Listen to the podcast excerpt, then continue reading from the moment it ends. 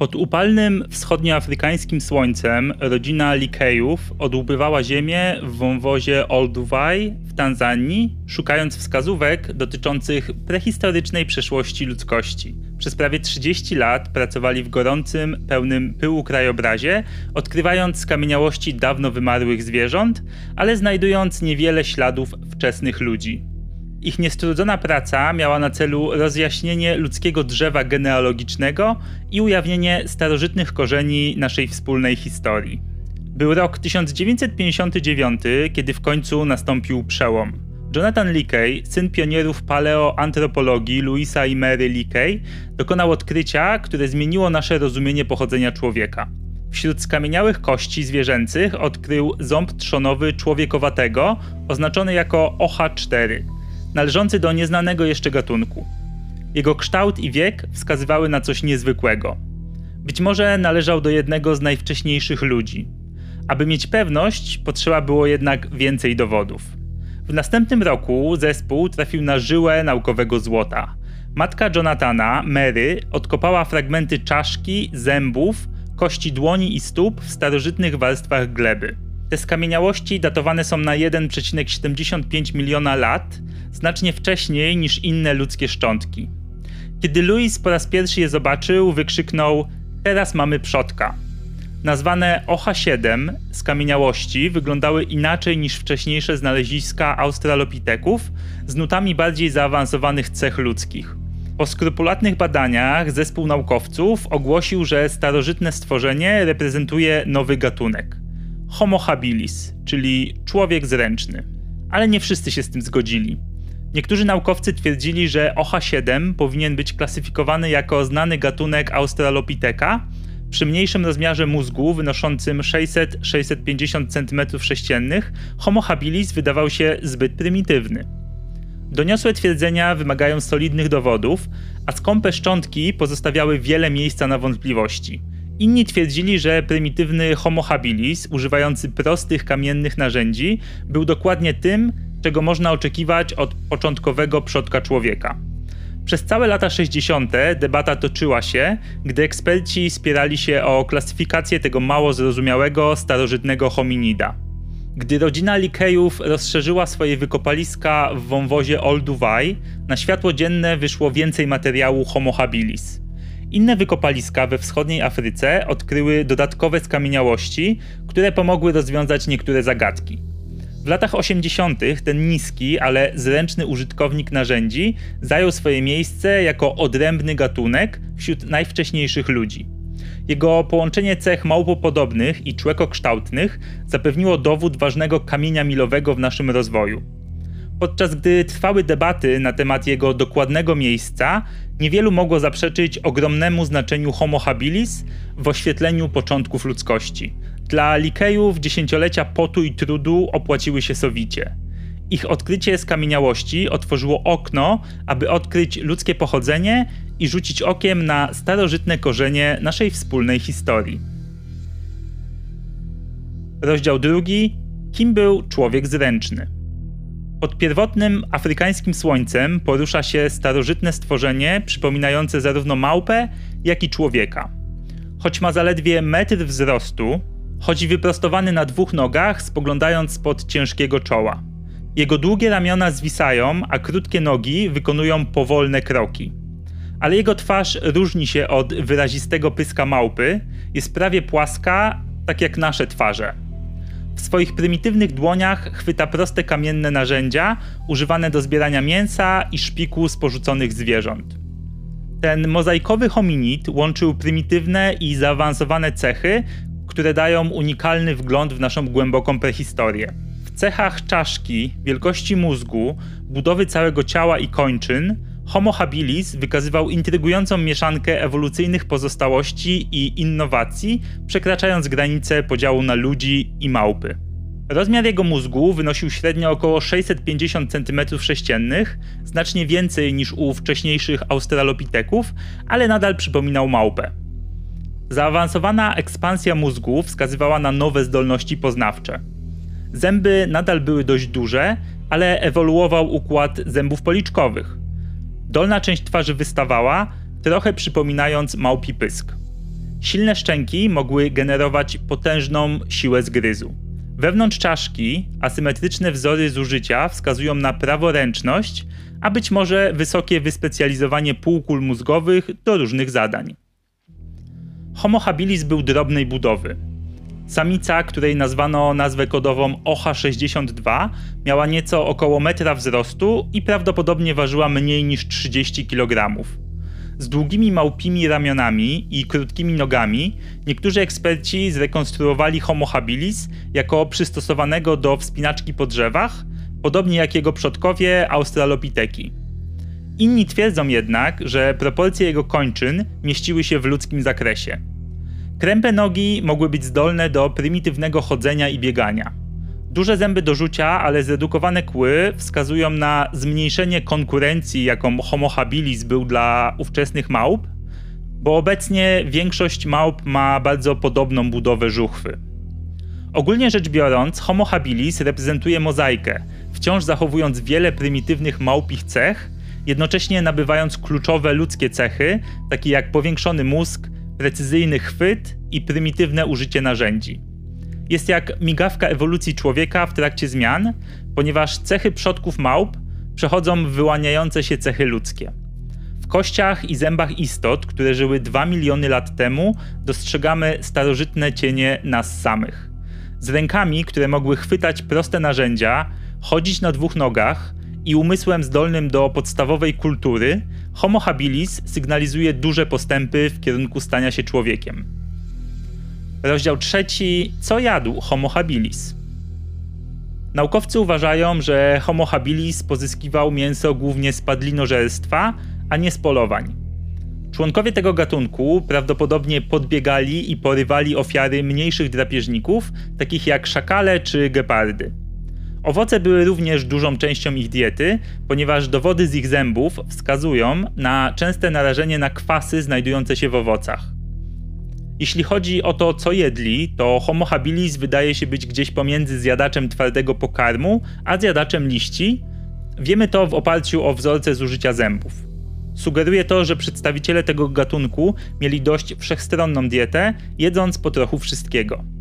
Ich dieta była bardziej mięsna niż dieta australopiteków, a niektóre teorie sugerują, że jedzenie mięsa pomogło w rozwoju ich mózgów. Istnieje kilka pomysłów na to, dlaczego tak się stało. Jednym z nich jest to, że mięso jest bogate w energię i składniki odżywcze, co mogło zmusić gatunek do rozwinięcia lepszych umiejętności poznawczych w zakresie strategicznego zbieractwa.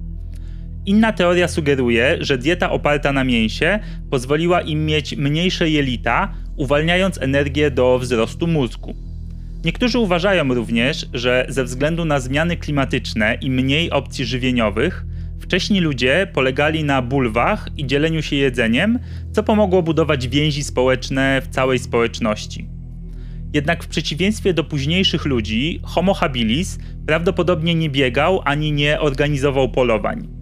Ich budowa ciała sugeruje, że nadal mogli wygodnie wspinać się na drzewa. Mimo, że ich dieta doprowadziła do pewnego wzrostu mózgu, wymagało to od nich pokonywania większych odległości w poszukiwaniu pożywienia. Niektórzy twierdzą, że Homo habilis miał w rzeczywistości dłuższe nogi przystosowane do podróży, ale prawdopodobnie spędzał też trochę czasu na drzewach. Ich zęby i szczęki mówią nam jeszcze więcej. Homo habilis miały większe przednie zęby niż australopiteki, co sugeruje, że częściej używały siekaczy do zaspokajania swoich potrzeb żywieniowych. Ich szczęki były również grubsze niż u współczesnych ludzi, co oznacza, że mogli naprawdę mocno chrupać twardsze jedzenie. Pomimo używania narzędzi do rozdrabniania twardych pokarmów, ich adaptacje zębów i szczęk sugerują, że pojawienie się narzędzi nie zmieniło radykalnie tego, co jedli. Rozdział czwarty: Zachowanie i kultura Homo habilis. Wszyscy jesteśmy ciekawi, co robili nasi starożytni krewni, prawda? Zwłaszcza jeśli chodzi o miłość i wojnę.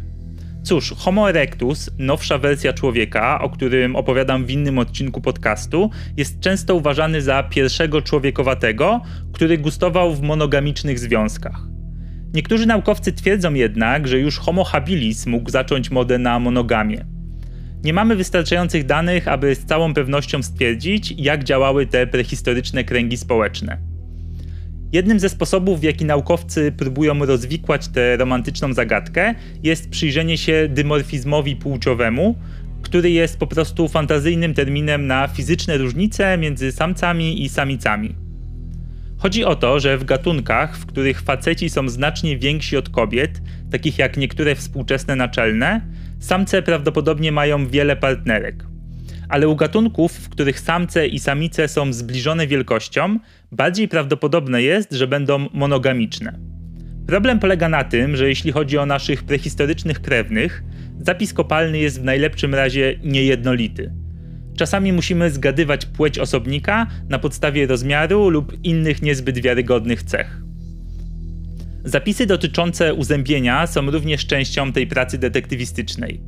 Na przykład niektóre wczesne hominidy miały duże zęby policzkowe, co może sugerować dużą rywalizację pomiędzy samcami, wskazując na poligamiczne społeczeństwo. Ale potem ich małe kły mylą obraz, sugerując być może coś przeciwnego. Ale to nie wszystko. Sposób, w jaki ci ludzie używali swojego środowiska, może również dać nam trochę informacji na temat ich życia miłosnego. Miejsca takie jak wąwóz Olduvai, o którym wspominałem na początku, pokazują nam, że nasi przodkowie używali określonych miejsc jako wspólnych miejsc do jedzenia dla grup znacznie większych niż rodzina. Inaczej niż działają nowocześni łowcy-zbieracze, którzy zwykle dzielili się na miejsca do jedzenia wielkości rodziny. A co z ich zachowaniem? Niektórzy naukowcy uważają, że wczesne Homo habilis mogły zachowywać się trochę jak dzisiejsze szympansy i pawiany na sawannie. Oznacza to, że zamiast jednego dużego samca skupiającego na sobie całą uwagę, w grupie było kilku samców, którzy musieli współpracować, aby odeprzeć zagrożenia. Mówiąc o niebezpieczeństwie, nie uwierzysz, jakich stworzeń musieli unikać. Wyobraź sobie krokodyla zjadającego twoją stopę lub lamparta decydującego, że twoja noga jest dziś wyjątkowym daniem. Nie żartuję, mamy skamieniałości, które pokazują dokładnie takie makabryczne historie. W 1993 roku amerykański paleoantropolog Leslie Aciello i brytyjski psycholog ewolucyjny Robin Dunbar oszacowali, że wielkość grupy Homo habilis wahała się od 75 do 85 członków na górnym końcu wielkości grupy szympansów i pawianów, w oparciu o trendy obserwowane w wielkości kory mózgowej i wielkości grupy u współczesnych naczelnych. Nie zapominajmy o skomplikowanych relacjach między różnymi gatunkami hominidów. Homo habilis dzielił planetę m.in. z Homo rudolfensis, Homo ergaster czy Homo erectus. Czy się dogadywali, czy byli wrogami? To jak prehistoryczna opera mydlana, a my wciąż nie jesteśmy pewni całej dynamiki. Rozdział 5. Narzędzia. Homo habilis jest ściśle związany z kulturą narzędzi kamiennych Oldowan z wczesnej epoki kamienia. Ci wcześni ludzie najprawdopodobniej używali tych kamiennych narzędzi do takich czynności jak cięcie zwierząt, skurowanie ich i łamanie kości.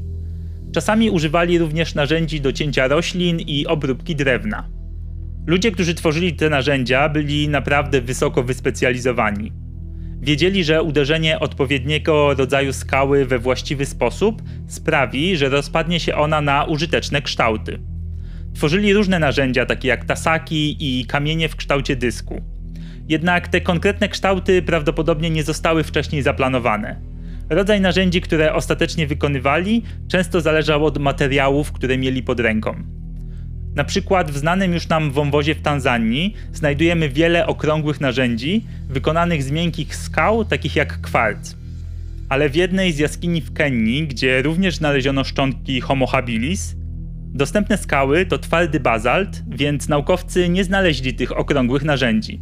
W przeciwieństwie do narzędzi z późniejszych kultur wykonanych przez Homo erectus, narzędzia Homo habilis były dużo prostsze. Nie wymagały wiele planowania, co pokazuje, że chociaż ci pierwsi ludzie byli wystarczająco inteligentni, aby tworzyć narzędzia, niekoniecznie byli głębokimi myślicielami. Kultura olduwajska została po raz pierwszy wspomniana w 1934 roku, ale nie została powszechnie uznana za najwcześniejszą kulturę ludzką aż do lat 60. XX wieku.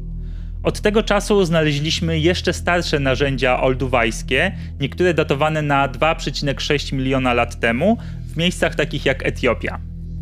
Niektóre wcześniejsze hominidy, takie jak australopiteki, również wytwarzały narzędzia, ale narzędzia olduvajskie były bardziej zaawansowane i pozwalały na szerszy zakres opcji żywieniowych, co było pomocne biorąc pod uwagę zmieniający się klimat w tamtych czasach. Nadal nie jest jasne, czy te narzędzia były niezależnym wynalazkiem, czy też ewoluowały przez długi czas wśród różnych gatunków. W 1962 roku naukowcy odkryli krąg skał wulkanicznych w wąwozie Olduvai. Krąg ten o wymiarach około 4 na 5 metrów miał mniejsze stosy skał w odstępach mniej więcej pół metra. Jedna z naukowczyń pracujących tam zasugerowała, że mogły one być używane do podtrzymywania słupów dla prostego schronienia, podobnie jak niektóre koczownicze plemiona budują dziś niskie skalne ściany dla tymczasowych chat. Te znaleziska datowane na 1,75 miliona lat są uważane za najstarsze znane przykłady struktur stworzonych przez człowieka. Epilog. Jako jeden z najwcześniejszych członków historii ewolucji bardziej współczesnego człowieka, Homo habilis zachowuje bliskie powiązania z małpami człekokształtnymi. Jego własne początki prawdopodobnie sięgają milionów lat wstecz poprzez stopniowe adaptacje hominidów. Jednak kluczowe innowacje pojawiły się właśnie wraz z Homo habilis. Powiększone mózgi umożliwiały szersze poznanie, unikanie zagrożeń i uczenie się społeczne. Wynalezienie prymitywnych narzędzi olduvajskich umożliwiło dostęp do nowych pokarmów w celu odżywienia głodnych neuronów. Zwiększone spożycie mięsa i szpiku prawdopodobnie zapewniało najbogatsze paliwo dla ich rosnących umysłów rozwinęła się bardziej wyrafinowana dynamika grupowa, wymuszona przez wszystkie wyzwania związane z przetrwaniem. Pojawiające się oznaki kultury, takie jak proste schronienia, podstawowa technologia i więzi społeczne pozwoliły Homo habilis na coraz większe kształtowanie ich otoczenia.